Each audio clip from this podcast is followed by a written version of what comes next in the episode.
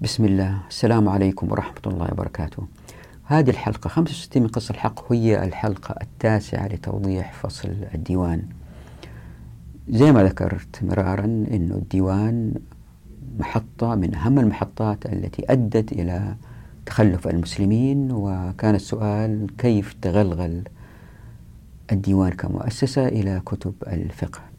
طبعا الإجابة على هذا السؤال يطول هو كل باقي حلقات هذا الفصل فصل الديوان تقريبا. فلا نتحدث مثلا عن الماحوز والطوى والغنائم والنفل وحديث نفلنا بعيرا بعيرا وخلوص النية مسائل كثيرة. فهو لأنه موضوع يجب إثباته والقضاء عليه لابد من إعطاء حقه من التمحيص والتقصي. في آخر الحلقة الماضية قلت راح نبدأ بمسألتين ألا وهما التقليد تقليد الفقهاء بعض لبعض أدى إلى هذا التغلغل للديوان. مسألة أخرى قلنا في آه، أربع أحاديث في البخاري ومسلم رجعوا للفقهاء لإثبات أن الديوان كان جزء من آه، الشريعة. في هذه الحلقة فقط نركز على الأربع الأحاديث. طبعا في أحاديث ثانية بس الآن نركز على هذه الأحاديث الأربعة لأنها الأهم. ورجائي من الإخوان يعني اللي هم ما هم مهتمين كثير بالتفاصيل إنهم فقط يشاهدوا الملخص اللي أضعه الآن بعد هذا المقطع. ولأن التفاصيل بالنسبة لكم ستكون مملة. فقط الإخوان آه، طلاب العلم اللي يشككوا في أنه الديوان جسم مستحدث في الشريعة هؤلاء حتى يقتنعوا لابد أن يتابعوا هذه الحلقات بحرص. والآن إلى الملخص. الحديث الأربع اللي احتج فيها المتأخرين عن أن الديوان جزء مهم في الشريعة هي الحديث الأول كما جاء في صحيح البخاري عن حذيفة رضي الله عنه قال قال النبي صلى الله عليه وسلم اكتبوا لي من تلفظ بالإسلام من الناس. فكتبنا له ألفا وخمسمائة رجل فقلنا نخاف ونحن ألف وخمسمائة فلقد رأيتنا ابتلينا حتى أن الرجل لا يصلي وحده وهو خائف حدثنا عبدان عن أبي حمزة عن الأعمش فوجدناهم خمسمائة. قال أبو معاوية ما بين ستمائة إلى سبعمائة وفي حديث ثاني مشابه بلفظ آخر في صحيح مسلم عن حذيفة قال كنا مع رسول الله صلى الله عليه وسلم فقال احصوا لي كم يلفظ بالإسلام قال فقلنا يا رسول الله أتخاف علينا ونحن بين الستمائة إلى السبعمائة؟ قال إنكم لا تدرون لعلكم أن تبتلوا. قال فابتلينا حتى جعل الرجل منا لا يصلي إلا سرا. والحديث الثالث في صحيح البخاري فعن ابن عباس رضي الله عنهما قال جاء رجل إلى النبي صلى الله عليه وسلم فقال إني كتبت في غزوة كذا وكذا وامرأتي حاجة. قال ارجع فحج مع امرأتك.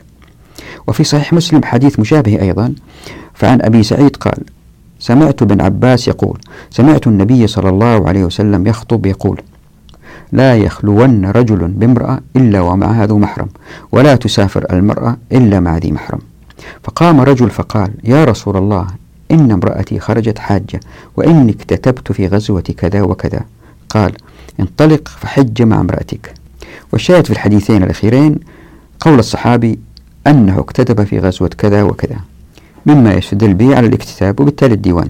والإثبات أن هذه الأحاديث الأربعة لم تستخدم كما يجب للاستدلال بالديوان نأخذ نصوص من بعض المتأخرين وبعض المؤرخين.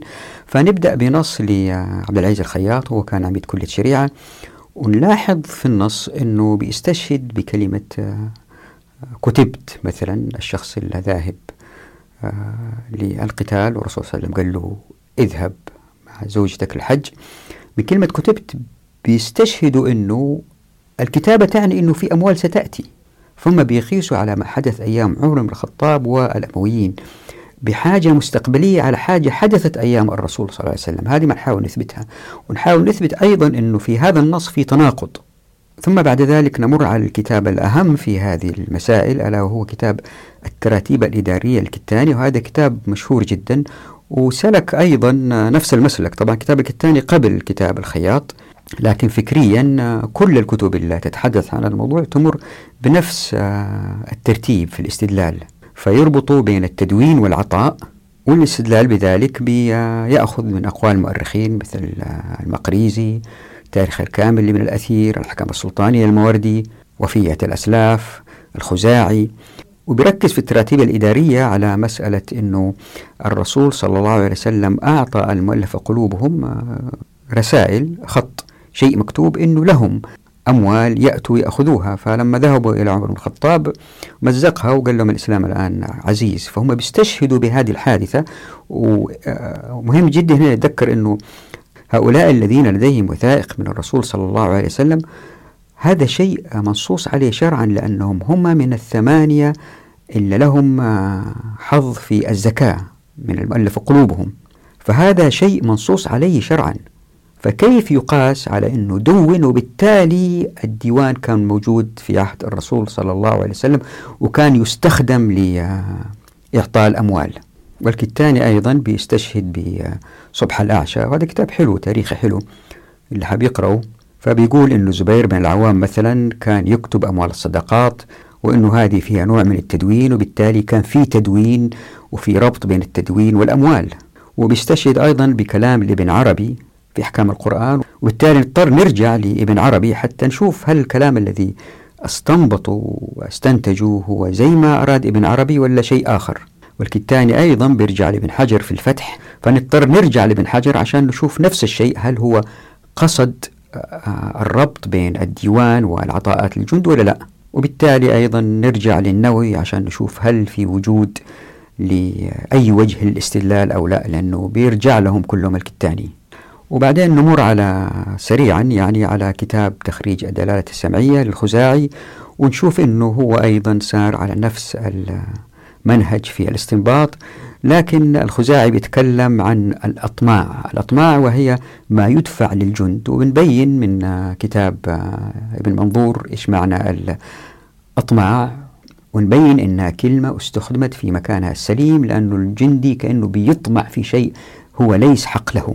فالأطماع هي أرزاق الجند. بعد المرور على تعريف الطمع في لسان العرب نعود تاني للخزاعي واللي يبين ثلاث روايات عن الديوان. نمر عليها بسرعة. ثم أخيرا نمر على كتاب الكامل في التاريخ ونبين كيف أنه بنفس العقلية اللي ساروا فيها الآخرين سار على نفس المنهج وصل لنفس الاستنتاج بقبول الديوان لكن الكامل في التاريخ ذهب أبعد أنه قبل أن يكون المجتمع المسلم مقسوم إلى طبقتين فهو قبل بهذه الفكرة طبقة عسكرية وطبقة هم الجند. ويبين كيف أن الجند يستحيل عليهم أن يقوموا بأداء مهامهم إلا إن كانوا مسنودين مدعومين من الطبقة التي تعمل لتوظيفهم. ونفس الشيء لا يستطيع من يعمل في الحياة المدنية من الاستمرار بأمن إلا إذا كان في طبقة الجند ليحموهم.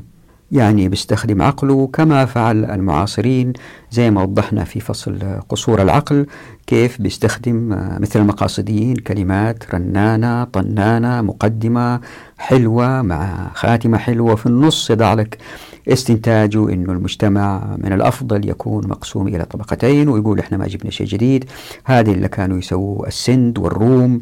وهكذا من خلال هذه المقتطفات النصية نرى كيف تغيرت مقصوصة الحقوق بتسلل الديوان إلى كتب المؤرخين وكتب المتأخرين. وفي الحلقة القادمة إن شاء الله نركز على كتب السلف. والآن للتوضيح. الأحاديث الأربعة التي وضعتها في الملخص يمكن الإنسان يستنبط منها أنها أصل للديوان وهذا الذي حدث. فمثلا الشيخ دكتور عبد العزيز الخياط وكان عميد لكلية الشريعة وكان وزير أوقاف. أستنتج رح نقرأ الآن أنه حديث البخاري هو الأساس في الديوان. الآن يعني كمقدمة الواحد من الحديث يمكن يستشف أنه كانت في سجلات يكتبوا فيها أسماء الناس عشان بعد ما المجاهدين بعد ما تنتهي المعركة يعرفوا مين حي مين ميت مين مفقود مين يجب يجي أن يبحث يمكن الناس أخذوا أسارة ويمكن واحد ميت تحت صخرة في مكان ما حد شايفه ما يدفنوا فلازم يعني تكون في في سجلات. لكن لا تعني هذه السجلات أنه والله اللي في, السجل اللي في السجلات يأخذ أموال. لا يعني هذا أبدا. لنقرأ ما كتبه الشيخ جزا الله خير. قال ابن هشام وما كان يجمع المسلمين في أول أمرهم كتاب حافظ أي ديوان مكتوب. فكان بدء الديوان في عهده عليه السلام. وقد ورد في البخاري تأكيد هذا الأمر. فقد ورد في صحيحه بسنده أن حذيفة بن اليمان قال اكتبوا من يلفظ بالإسلام من الناس. وأخرج أبو داود عن عوف بن مالك أن رسول الله صلى الله عليه وسلم كان إذا أتاه الفيء قسمه في يومه فأعطى صاحب الأهل حظين وأعطى الأعزب حظه. وروى أبو يوسف في كتاب الخراج أنه لم يكن في حياة الرسول صلى الله عليه وسلم مرتبة معينة الجنود الذين كانوا يتألفون من جميع أفراد المسلمين وإنما كانوا يأخذون ما لهم في أربعة أخماس ما يغنمون وفيما يرد من خراج الأرض التي أبقيت في يد أهلها كأرض خيبر. ويمكن لاحظت في السابق أنه في ربط بين سجلات فيها أسماء وبين أنهم يأخذوا أموال. طبعا ما في حاجة من الفقهاء اللي دونوا في السلف هذه المسائل أن الرسول صلى الله عليه وسلم كان يعطي الجند. ما في الكلام ده. لكن حدث هذا أيام عمر بن الخطاب رضي الله عنه. ثم بعد ذلك استمر. الفرق أنه أيام عمر رضي الله عنه الأموال تأتي هي حق المجاهدين يوزعوها. بينما في العصر الأموي وبعد كذا لا تؤخذ من الناس اللي هم بينتجوا مكوس ثم تعطى للجند. هذا فرق مهم. ركزت عليه في الحلقات السابقة في الحديث عن الأراضي. الآن الشيخ هنا بيستنتج من فعل مستقبلي صار واسقطوا على حاجة حدثت أيام الرسول صلى الله عليه وسلم. والإسلام ما هو كده. إذا في حاجة مفصلية زي هذه أن الرسول صلى الله عليه وسلم عنده سجل في أسماء الجنود وكل واحد يأخذ مبلغ كنا عرفنا عنه. مستحيل موضوع مفصلي زي هذا ما نعرف عنه. بالإضافة إلى إلى أنه نفس النص في تناقض. فهو بيقول أنه في ديوان وبعدين يقفز مباشرة إلى القول بأن الرسول صلى الله عليه وسلم كان لا يدع مالا إلا قسمه في يومه وذلك بالاستشهاد بالحديث الذي رواه أبو داود فين التناقض؟ الديوان يعني بالطبع وجود المال سلفا في بيت المال حتى يقسم بين الناس لكن الرسول صلى الله عليه وسلم زي ما هو بيثبت هنا في النص من حديث أبو داود وزي ما بينا في الفصل السابق في الحديث عن دولة الناس كان لا يدع المال يتراكم في بيت المال. كان يقسمه أول بأول. كان لا يدع المال يتراكم في نفس اليوم كان يقسمه تذكروا؟ فبالتالي لا يمكن الجمع بين الوضعين المتناقضين إلا إن كانوا المسجلين في الديوان يأخذوا العطاء بالترتيب تنازليا. يعني آه كل إنسان حسب دوره. يعني اليوم يأخذ أحمد لأنه في مال ويروح. يجي مال يجي بعدين منصور يجي مال يجي ناصر يجي مال يجي بالترتيب. يعني كل يوم أو كل عدة أيام يأتي دور زيد ليأخذ عطاءه ثم عبيد ثم بعد عدة أيام عندما تجتمع الأموال في بيت المال مرة أخرى يأتي شخص ثالث وهكذا. ولا يوجد في الأثر شيء يدل على هذا. بعد كده الدكتور الخياط يضحك طرحه هو بنفسه بالاستشهاد بقول أبو يوسف من أن المسلمين كانوا يأخذون الأموال من أربعة أخماس ما يغنمون. يعني كيف يمكن الاستنباط من هذه الآثار أن الديوان وجد في عهده صلى الله عليه وسلم؟ لا هم بياخذوا حقهم في الأربع أخماس وبعدين انتهي الموضوع زي ما وضحنا في في, في الأراضي. فكيف بالتالي يمكن الاستنتاج أنه كان في ديوان في عهد الرسول صلى الله عليه وسلم سجلات تعطى من الأموال الجند؟ هي استنتاجات لأحداث متفرقة في أماكن متفرقة وضعوها مع بعض منطقيا ورتبوها حتى تظهر المسألة أنه في دولة وكأنها تشبه الدولة الحديثة والمسلمين متخلفين وديوان له أصل وبالتالي الدولة الحديثة لها دخل مالي وما إلى ذلك. نفس هذا الذي حدث مع الخياط حدث مع معظم الباحثين زي ما راح نشوف إن شاء الله في هذا الفصل وفي الفصل القادم أيضا. ومن أهم الكتب اللي كتبت في هذه المسألة كتاب التراتيب الإدارية للكتاني يجب أن نقرأ النص الطويل الآتي. في صحيح البخاري بسنده عن حذيفة بن اليمان قال قال رسول الله صلى الله عليه وسلم اكتبوا لي من يلفظ بالإسلام من الناس واستمر في ذكر نفس الأحاديث اللي ذكرتها في البداية أي نفس الأحاديث ارجعوا لها. فما في داعي نقرأها مرة ثانية. بعد ذكر الحديثين يقول قال حافظ الفتح على ترجمة باب كتابة الإمام الناس أي من المقاتلة وغيرهم والمراد ما هو أعم من كتابته هو نفسه أو بأمره. ثم قال وفي الحديث مشروعية كتابة دواوين الجيوش. شوف الاستنتاج كيف. وقال علي قول الرجل إني كتبت في كذا مشعر بأنه كان من عاداتهم كتابة من يتعين الخروج في المغازي. قال التقي المقريزي في الخطط أعلم أن كتابة الديوان على ثلاثة أقسام كتابة الجيوش وكتابة الخراج وكتابة الإنشاء والمكاتبات. ولا بد لكل دولة من استعمال هذه الأقسام الثلاثة. وقد أفرد العلماء في كتابة الخراج وكتابة الإنشاء عدة مصنفات. ولم أرى أحدا جمع شيئا في كتابة الجيوش والعساكر. وكانت كتابة الديوان في صدر الإسلام أن يجعل ما يكتب فيه صحفا مدرجة. لاحظوا في النص أنه نفس المسلك اللي سلكه. الدكتور الخياط وقع فيه الكتاني الله يرحمه. طبعا بيجتهدوا هم جزاهم الله خير. فهو قد ربط بين التدوين والعطاء أي أن من دون في سجن ما فلا بد وأن يكون له عطاء. فهو رجع الحديثين اللي ذكر في صحيح البخاري وصحيح مسلم عن الرجل الذي قال الرسول صلى الله عليه وسلم روح اجمع زوجتك. بالإضافة إلى أنه يدعم قوله بما قاله المقريزي.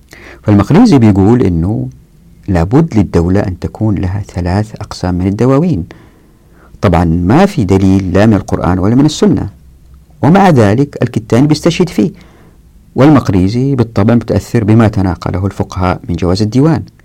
تذكروا عندما تحدثت عن التقليد في الحلقات الماضية نفس الآن هذا الشيء يقع التقليد. بينقلوا من بعض. فمثلا في الرجوع للمقريزي وهو نص سابق للكتاني تجد أنه في نفس الكتاب الكتاني بعد عدة صفحات يقر أن الذي دون الدواوين لدفع العطاءات هو الخليفة عمر بن الخطاب رضي الله عنه وليس الرسول صلى الله عليه وسلم. مش بس كده هو بيثبت من خلال عدة نصوص راح نقرأها الآن أنه آه، من فقهاء ومؤرخين أنه سجلات أيام الرسول صلى الله عليه وسلم ليست لها أي علاقة بدفع العطاءات. لاحظوا إيش يقول الكتاني في الآتي. هو نص شوي طويل. فصل في وضع عمر الديوان والسبب في ذلك. الديوان دفتر يكتب فيه أسماء أهل العطاء والعساكر على القبائل والبطون. وفي النهاية الديوان دفتر يكتب فيه أسماء الجيش وأهل العطاء. ذكر أبو هلال العسكري في الأوائل والماوردي في الأحكام السلطانية أن أول من وضع الديوان في الإسلام عمر بن الخطاب رضي الله عنه. وفي ترجمة عمر في تهذيب الأسماء للنووي وكان عمر رضي الله عنه هو أول من دون الديوان للمسلمين ورتب الناس على سابقتهم في العطاء وفي الأذن والإكرام. فكان أهل بدر أول الناس دخولا عليه. وكان علي بن أبي طالب أولهم وأثبت أسماءهم في الديوان على قربهم من رسول الله صلى الله عليه وسلم. فبدأ ببني هاشم وبني المطلب ثم الأقرب في الأقرب. انتهى. من صبح الأعشى أيضا ما نصه. هو أي عمر رضي الله عنه أول من رتب بيت المال فيما ذكره العسكري لكنه ذكر في موضع آخر أن عمر كان على بيت المال من قبل أبي بكر فيكون أبو بكر قد سبقه إلى ذلك. انتهى. وفي ترجمة أبي بكر رضي الله عنه من تاريخ الخلفاء للسيوطي في فصل أوليائه ومنها أنه أول من اتخذ بيت المال أخرج ابن سعد سهل بن أبي خيثم وغيره أن أبا بكر رضي الله عنه كان له بيت مال بالسنح وليس يحرسه أحد. فقيل له ألا تجعل عليه من يحرسه؟ قال عليه قفل. فكان يعطي ما فيه حتى يفرغ. فلما انتقل إلى المدينة حوله فجعله في داره. فقدم عليه مال فكان يقسمه على فقراء الناس فيسوي بين الناس في القسم. وكان يشتري الإبل والخيل والسلاح فيجعله في سبيل الله. واشترى قطائف أوتي بها من المدائن ففرقها في أرامل المدينة. فلما توفي أبو بكر ودفن دعا عمر الأمناء ودخل بهم في بيت أبي بكر. منهم عبد الرحمن بن عوف وعثمان بن عفان. ففتحوا بيت المال فلم يجدوا فيه شيئا لا دينارا ولا درهما. قلت وبهذا الأثر يرد قول العسكري في الأوائل أن أول من اتخذ بيت المال عمر. وقد رددت عليه في كتابي الذي صنفته في الأوائل ثم رأيت العسكري انتبه له في موضع آخر من كتابه فقال إن أول من ولي بيت المال أبو عبيدة بن الجراح لأبي بكر. قلت ويمكن الجمع بأن أبا بكر أول من اتخذ بيت المال من غير إحصار ولا تدوين وعمر أول من دون مثلا. وفي تاريخ الكامل بن أثير وفي سنة 15 من الهجرة فرض عمر بن الخطاب رضي الله عنه الفروض ودون الدواوين وأعطى العطايا. وفي الأحكام السلطانية الموردي أقوال في السبب الذي حمل عمر على ذلك منها. أن أبا هريرة قدم إليه بمال من البحرين فقال عمر ماذا جئت به؟ قال خمسمائة ألف درهم. مر معنا هذا الحديث في فصل دولة الناس. فاستكثره عمر وقال أتدري ما تقول؟ قال نعم مائة ألف خمس مرات. فصعد عمر وحمد الله وأثنى عليه ثم قال أيها الناس قد جاءنا مال كثير فإن شئتم كلناه لكم كيلا وإن شئتم عددناه لكم عدا. فقام إليه رجل فقال يا أمير المؤمنين فقد رأيت الأعاجم يدونون لهم ديوانا.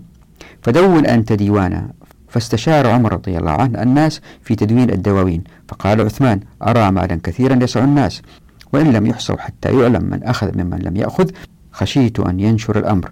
فقال خالد بن الوليد رضي الله عنه قد كنت بالشام فرأيت ملوكا لهم دواوين وجندوا أجنادا فدون ديوانا وجند جنودا فأخذ عمر بقوله ودعا عقيل بن أبي طالب ومخرم بن نوفل وجبير بن مطعم وكانوا من شبان قريش فقال اكتبوا الناس على منازلهم. وفي وفيات الأسلاف للشهاب المرجاني وأول من وضع ديوان العساكر في الدولة الإسلامية عمر في محرم سنة عشرين. أمر عقيل بن أبي طالب ومخرمة وجبيرا من كتاب قريش. فكتبوا ديوان الجيش بالابتداء من رسول الله صلى الله عليه وسلم وما بعدها على ترتيب الأنساب الأقرب فالأقرب. انتهى. وقد استظهر الخزاعي هذا وفصل أن كتابة الناس في عصر النبي صلى الله عليه وسلم وتدوينهم إنما كانت في أوقات مخصوصة. نحو كتبهم حين أمر حذيفة بإحصاء الناس. وكذلك العطاء في عصره صلى الله عليه وسلم لم يكن له وقت معين ولا مقدار معين. فلما كثر الناس في خلافة عمر وجبيت الأموال وتأكدت الحاجة إلى ضبطهم وضع الديوان بعد مشاورة الصحابة على ترتيب الأنساب الأقرب فالأقرب. انتهى. ولكن وجدت في كتاب بدائع الصنائع الإمام علاء الدين الكاساني الحنفي حين تكلم عما كان يعطيه رسول الله صلى الله عليه وسلم لرؤساء قريش وصناديدهم مثل أبي سفيان بن حرب وصفوان بن أمية والأقرع بن محابس التميمي وأمثالهم وذكر أن أبا بكر وعمر ما أعطيا المؤلفة قلوبهم شيئا. قال فإنه روى أنه لما قبض رسول الله صلى الله عليه وسلم جاءوا إلى أبي بكر واستبدلوا الخط منه لسهامهم فبدل لهم الخط. ثم جاءوا إلى عمر وأخبروه بذلك فأخذ الخط من يدهم ومزقه وقال إن رسول الله صلى الله عليه وسلم كان يعطيكم ليؤلفكم على الإسلام. فأما اليوم فقد أعز الله دينه. فانصرفوا إلى أبي بكر فأخبروه بما صنع عمر وقالوا أنت الخليفة أم هو؟ فقال إن شاء الله هو. فلم ينكر أبو بكر رضي الله عنه قوله وفعله يعني قول فعل عمر.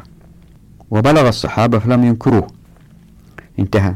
وهذا يدل على أن الناس في زمنه صلى الله عليه وسلم كانوا يأخذون العطاء بالضبط والتقييد. فيدل ذلك على وقوع التدوين. انتبهوا شوفوا الربط كيف. وجعل قوائم للمعالون وهذا هو الديوان بعينه. فتأمل ذلك. يعني وصل لاستنتاج أنه كان في ديوان وفي أموال تنفق بسندات. وفي صبح الأعشى بعد أن نقل عن القطاع أن الزبير بن العوام وجهم بن الصلت كانا يكتبان له صلى الله عليه وسلم أموال الصدقات. وأن حذيفة بن اليمان كان يكتب له خرص النخل منصه فإن صح ذلك فتكون هذه الدواوين قد وضعت في زمانه صلى الله عليه وسلم. انتهى. وانظر الفصل الأول من كتاب الجيش وما نقل فيه عن الحافظ. في الفتح مما يلون جميعه بخلاف ما للمتأخرين في هذه الترجمة. وفي الأحكام لابن العربي وأما ولاية الديوان فهي الكتابة. وقد كان للنبي صلى الله عليه وسلم كتاب والخلفاء بعده. وهي ضبط الجيوش لمعرفة أرزاقهم والأموال لتحصيل فوائدها لمن يستحقها. انتهى.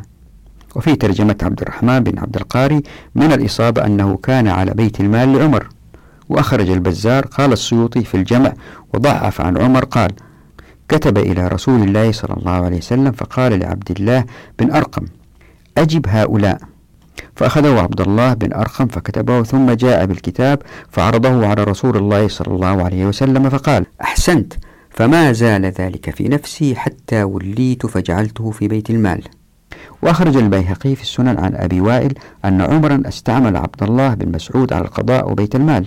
وذكر مناوي في شرح الشمائل في ترجمة أبي جحيفة وهب السوائي أن عليا كان يحبه ويسميه وهب الخير وجعله على بيت المال. انتهى. وفي الخطط للتقي المقريزي أن معاوية جعل كل قبيلة من قبائل العرب بمصر رجلا يصيح كل يوم فيدور على المجالس فيقول هل ولد الليلة فيكم مولود؟ وهل نزل بكم نازل؟ فيقال ولد لفلان غلام ولفلان جارية. فيكتب أسماءهم ويقلل نزل بهم رجل من أهل كذا بعياله فيسميه وعياله. فإذا فرغ من القبيلة أتى إلى الديوان يثبت ذلك. انتهى. نلاحظ في أول الاقتباس أن الكتاني يثبت من خلال نصوص آخرين أنه أول من وضع الدواوين هو الخليفة عمر بن الخطاب رضي الله عنه.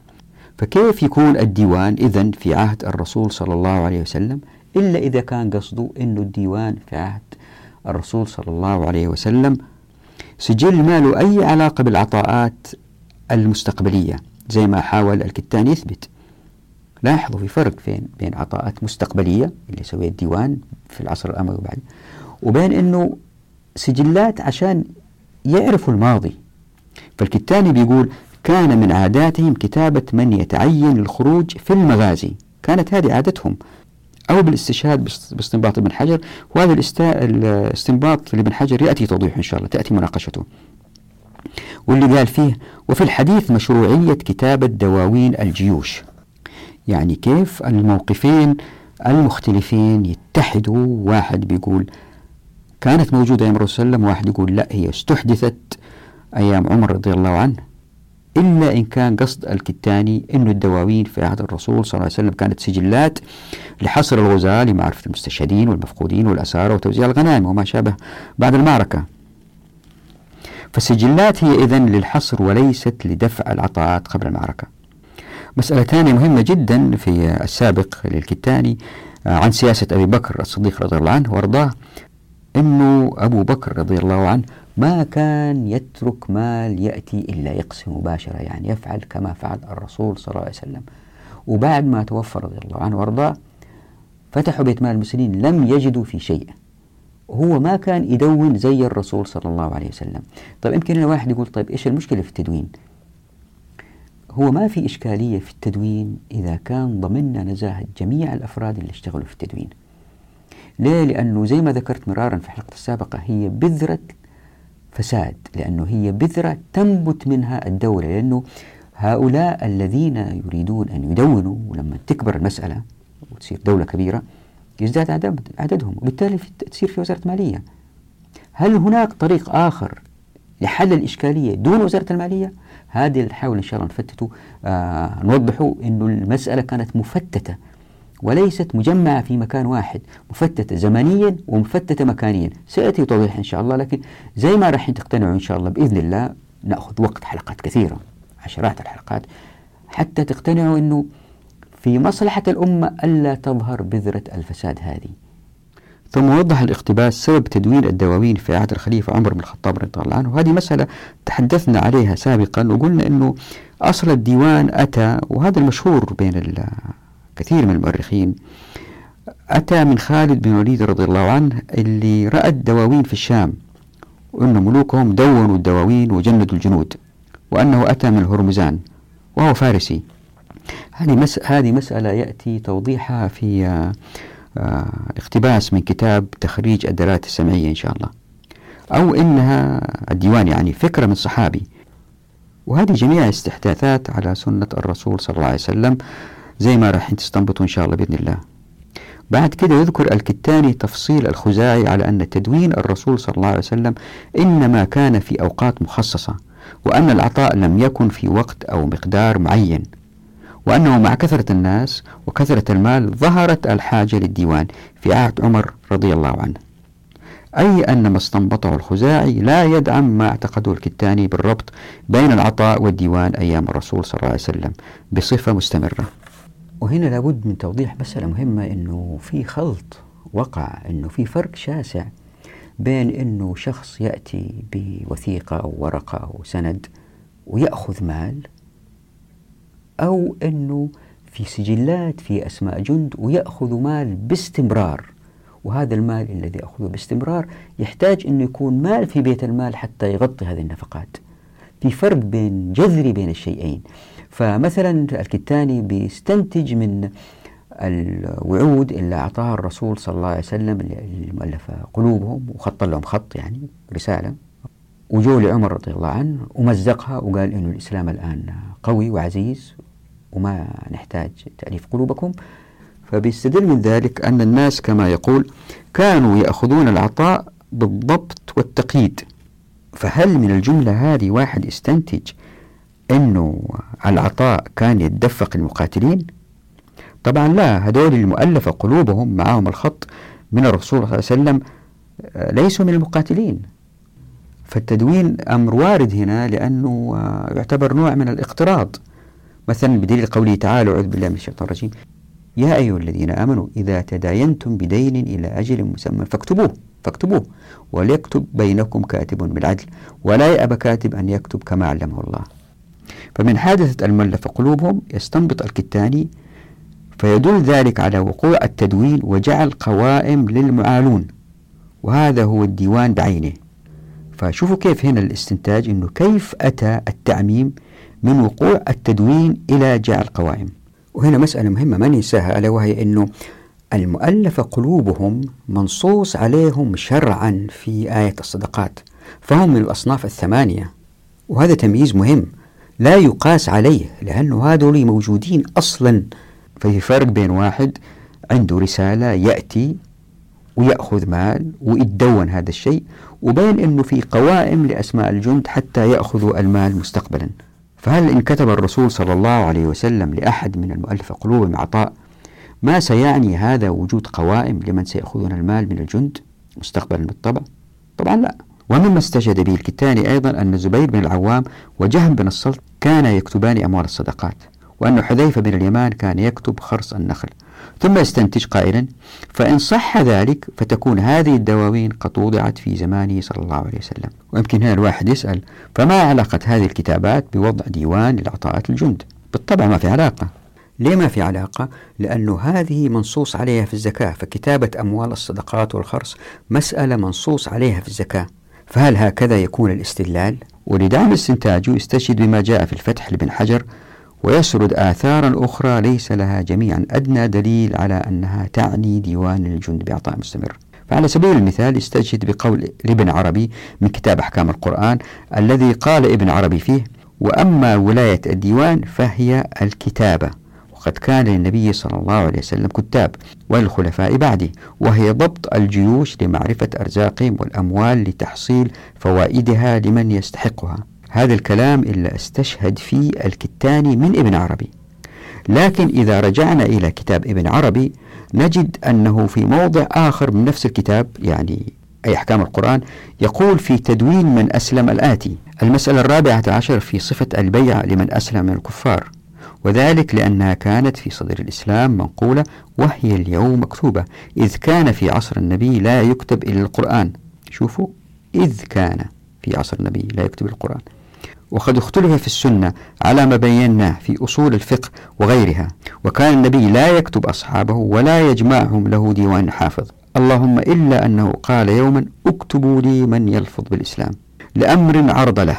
فأما اليوم فيكتب إسلام الكفرة كما يكتب سائر معالم الدين المهمة والتوابع منها لضرورة حفظها حين فسد الناس وخفت أماناتهم ومرج أمرهم ونسخة ما يكتب بسم الله الرحمن الرحيم لله أسلم فلان ابن فلان من أهل أرض كذا وآمن به وبرسوله محمد صلى الله عليه وسلم.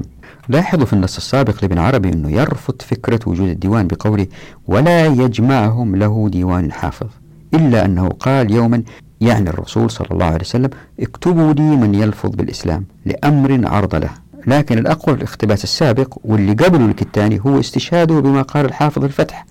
وفي الحديث مشروعية كتابة دواوين الجيوش هذه اللي قالوا الحافظ. ولمكانة ابن حجر المهمة لابد نرجع لما قاله في الفتح. يقول ابن حجر عن حديث البخاري قوله اكتبوا لي من تلفظ بالإسلام في رواية أبي معاوية عن الأعمش عند مسلم احصوا بدل اكتبوا وهي أعم من اكتبوا وقد يفسر أحصوا باكتبوا.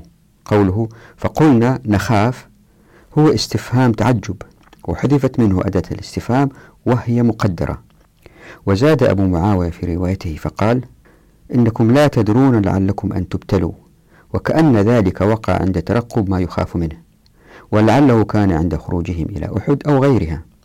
ثم رأيت في شرح بن التين الجزم بأن ذلك كان عند حفر الخندق وحكى الداودي واحتمال أن ذلك وقع لما كانوا بالحديبية لأنه قد اختلف في عددهم. هل كانوا 1500 أو 1400 أو غير ذلك مما سيأتي في مكانه؟ وأما قول حذيفة فلقد رأيتنا أبتلينا إلى آخره فيشبه أن يكون أشار بذلك إلى ما وقع في أواخر خلافة عثمان من ولاية بعض أمراء الكوفة كالوليد بن عقبة حيث كان يؤخر الصلاة أو لا يقيمها على وجهها.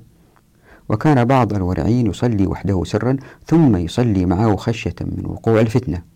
وقيل كان ذلك حين أتم عثمان رضي الله عنه الصلاة في السفر. وكان بعضهم يقصر سرا وحده خشية الإنكار عليه.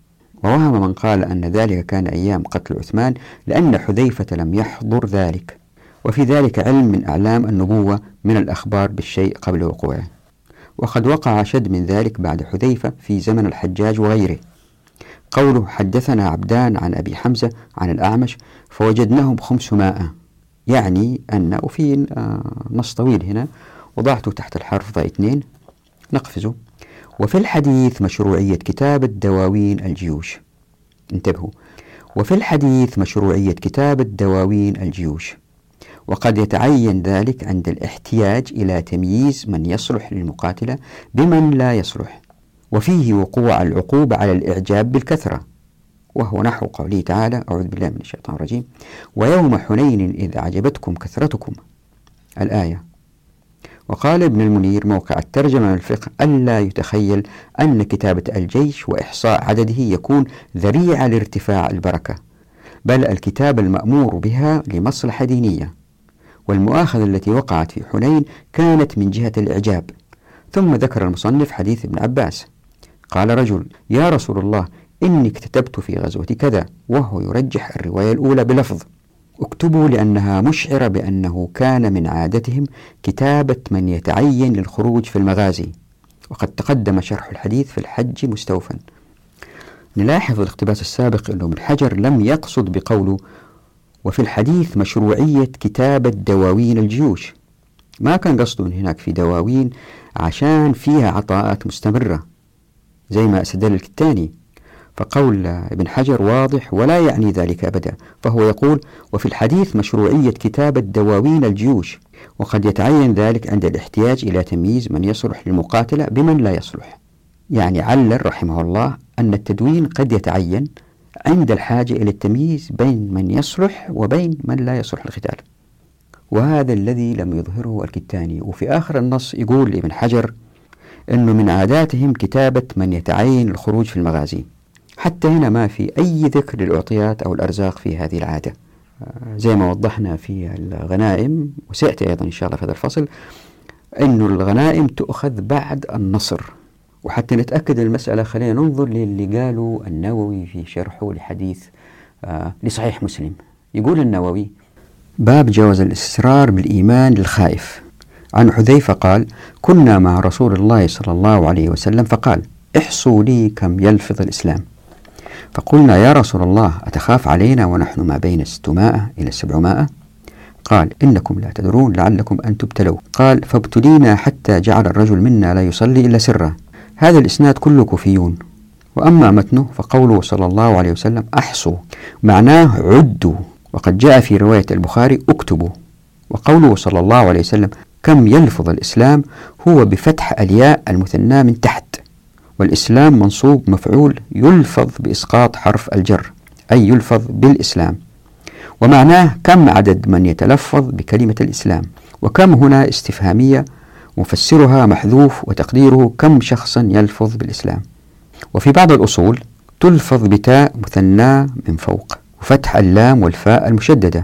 وفي بعض الروايات البخاري وغيره اكتبوا من يلفظ بالإسلام فكتبنا. وفي رواية النساء وغيره احصوا لي من كان يلفظ بالإسلام. وفي رواية أبي يعلى الموصلي احصوا كل من تلفظ بالإسلام. وأما قوله ونحن بين 600 إلى 700 فكذا وقع في مسلم وهو مشكل من جهة العربية. وله وجه أن يكون ماء في الموضعين منصوبا على التمييز على قول بعض أهل العربية. وقيل أن ماء في الموضعين مجرورة على أن تكون الألف واللام زائدتين فلا اعتداد بدخولهما. وقع في رواية غير مسلم 600 إلى 700 وهذا ظاهر لا إشكال فيه من جهة العربية. وقع في رواية البخاري فكتبنا له 1500 فقلنا نخاف ونحن 1500 وفي رواية البخاري أيضا فوجدناهم 500 وقد يقال وجه الجمع بين هذه الألفاظ أن يكون قولهم 1500 المراد به النساء والصبيان والرجال. ويكون قولهم 600 إلى 700 الرجال خاصة. ويكون 500 المراد به المقاتلون. ولكن هذا الجواب باطل برواية البخاري في أواخر كتاب السير في باب كتابة الإمام الناس. قال فيها فكتبنا له 1500 رجل. والجواب الصحيح إن شاء الله تعالى أن يقال لعلهم أرادوا بقولهم ما بين الستمائة إلى السبعمائة رجال المدينة خاصة. وبقولهم فكتبنا له ألفا وخمسمائة هم من المسلمين حولهم. وأما قوله ابتلينا فجعل الرجل لا يصلي إلا سرا. فلعله كان في بعض الفتن التي جرت. نلاحظ في الاقتباس السابق أنه لا إشارة لا من قريب ولا من بعيد أبدا أنه الهدف من الكتابة أو التدوين للأسماء هو أخذ عطاءات مالية. ما في هذا الكلام. ويمكن نستفيد من الجمع بين الروايتين للشيخين البخاري ومسلم أن الكتابة كانت لغرض الإحصاء أي أنه كانت بالفعل هناك كتابة كما روى البخاري ولكن لغرض الإحصاء كما نص عليه مسلم. واللي يدل على كده هو تعجب الصحابة. فكانوا بيسألوا نخاف ونحن 1500 فكانوا متعجبين يعني آه نكتب ليش؟ ندون ليش؟ نسجل ليش؟ نخاف ونحن 1500 كما في رواية البخاري أو قولهم متسائلين يا رسول الله أتخاف علينا ونحن بين 600 إلى 700 زي ما أتى في رواية مسلم. فبرغم هذه الأسئلة ما كان جواب الرسول صلى الله عليه وسلم بكتب أسماءكم عشان في عطاءات ولا كنا عرفنا. مستحيل مسألة مفصلية زي هذه ما نعرف عنها. وهذا اللي وضحه ابن حجر آه، من أن الإحصاء لم يرفع البركة مع الجيش بإذن الله إلا إن كان هناك إعجاب بالذات زي ما حدث في معركة حنين. الآن خلينا ننظر لاقتباس آخر من كتاب آه، تخريج الدلالات السمعية للخزاعي.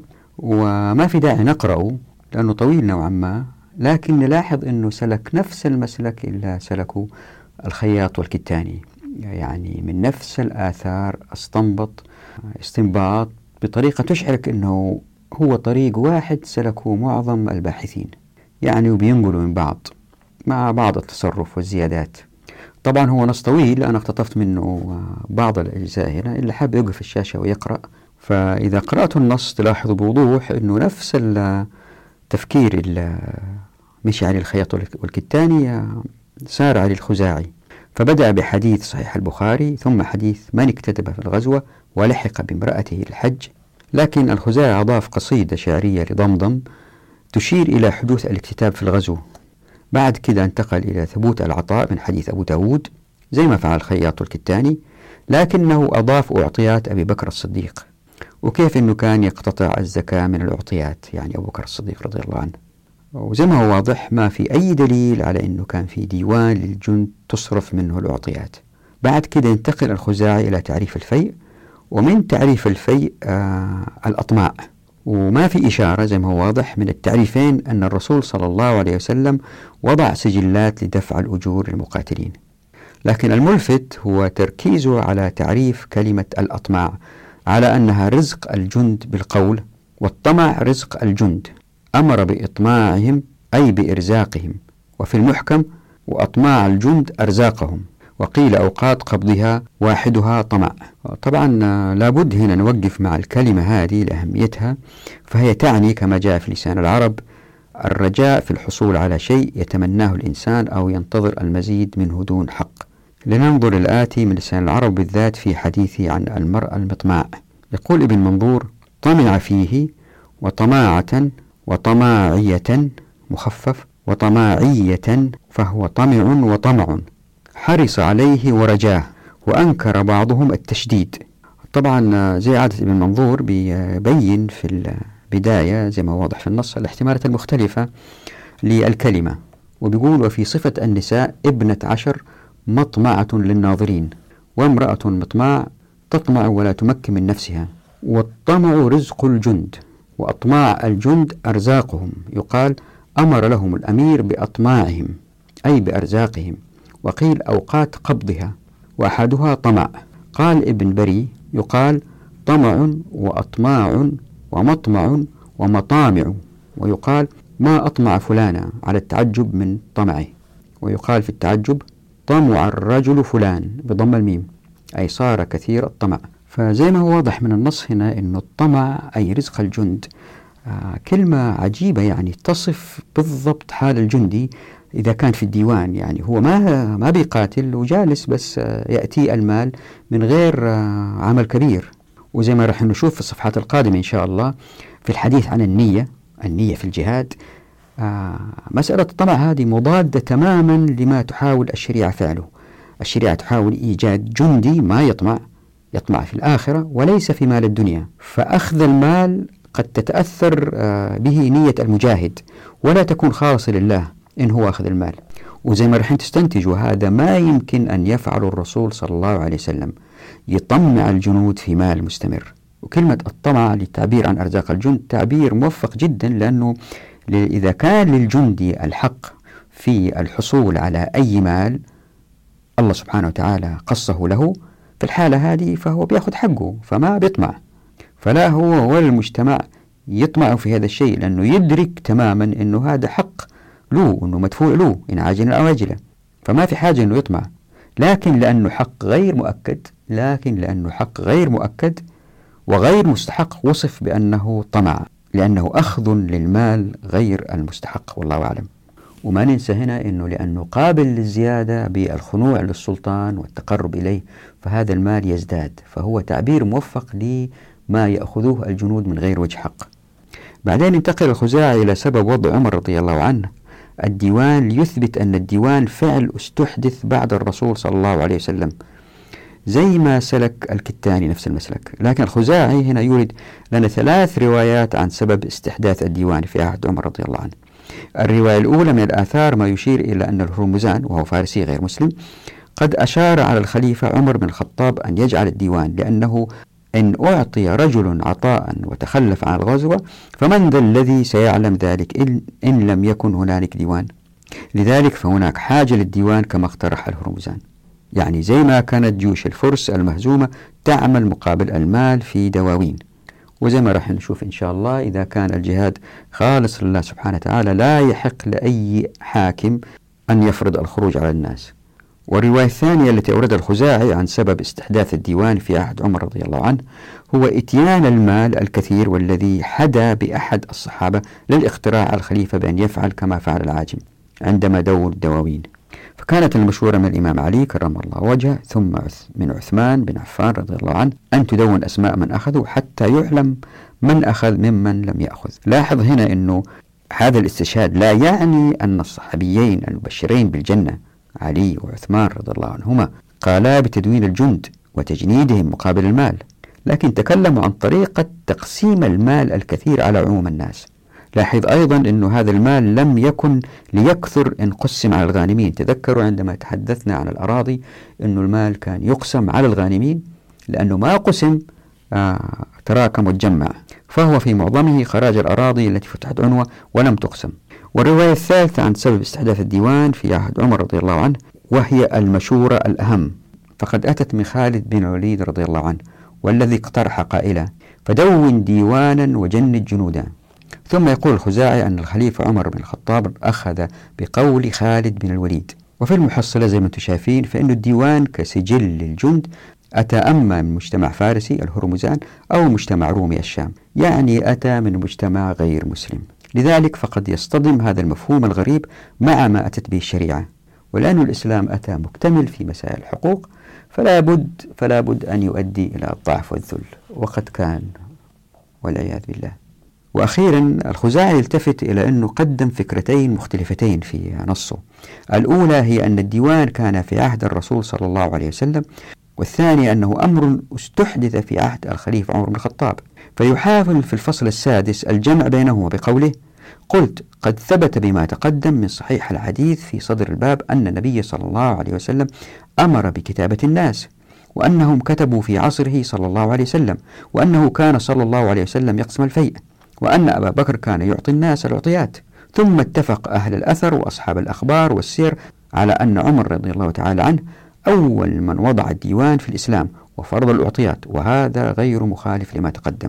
يعني الواضح أنه الثابت من كل هذه اللي ذكرته هو أن الديوان كسجلات للعطاء أو الأطماع للجند لم تكن في عهده صلى الله عليه وسلم.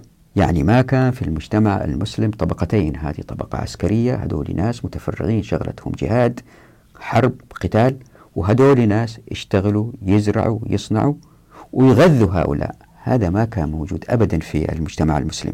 لكن اللي صار أنه المجتمع بدأ بالديوان ينقسم فبدأت تظهر الطبقتين. وهذا واضح من كتاب الكامل في التاريخ.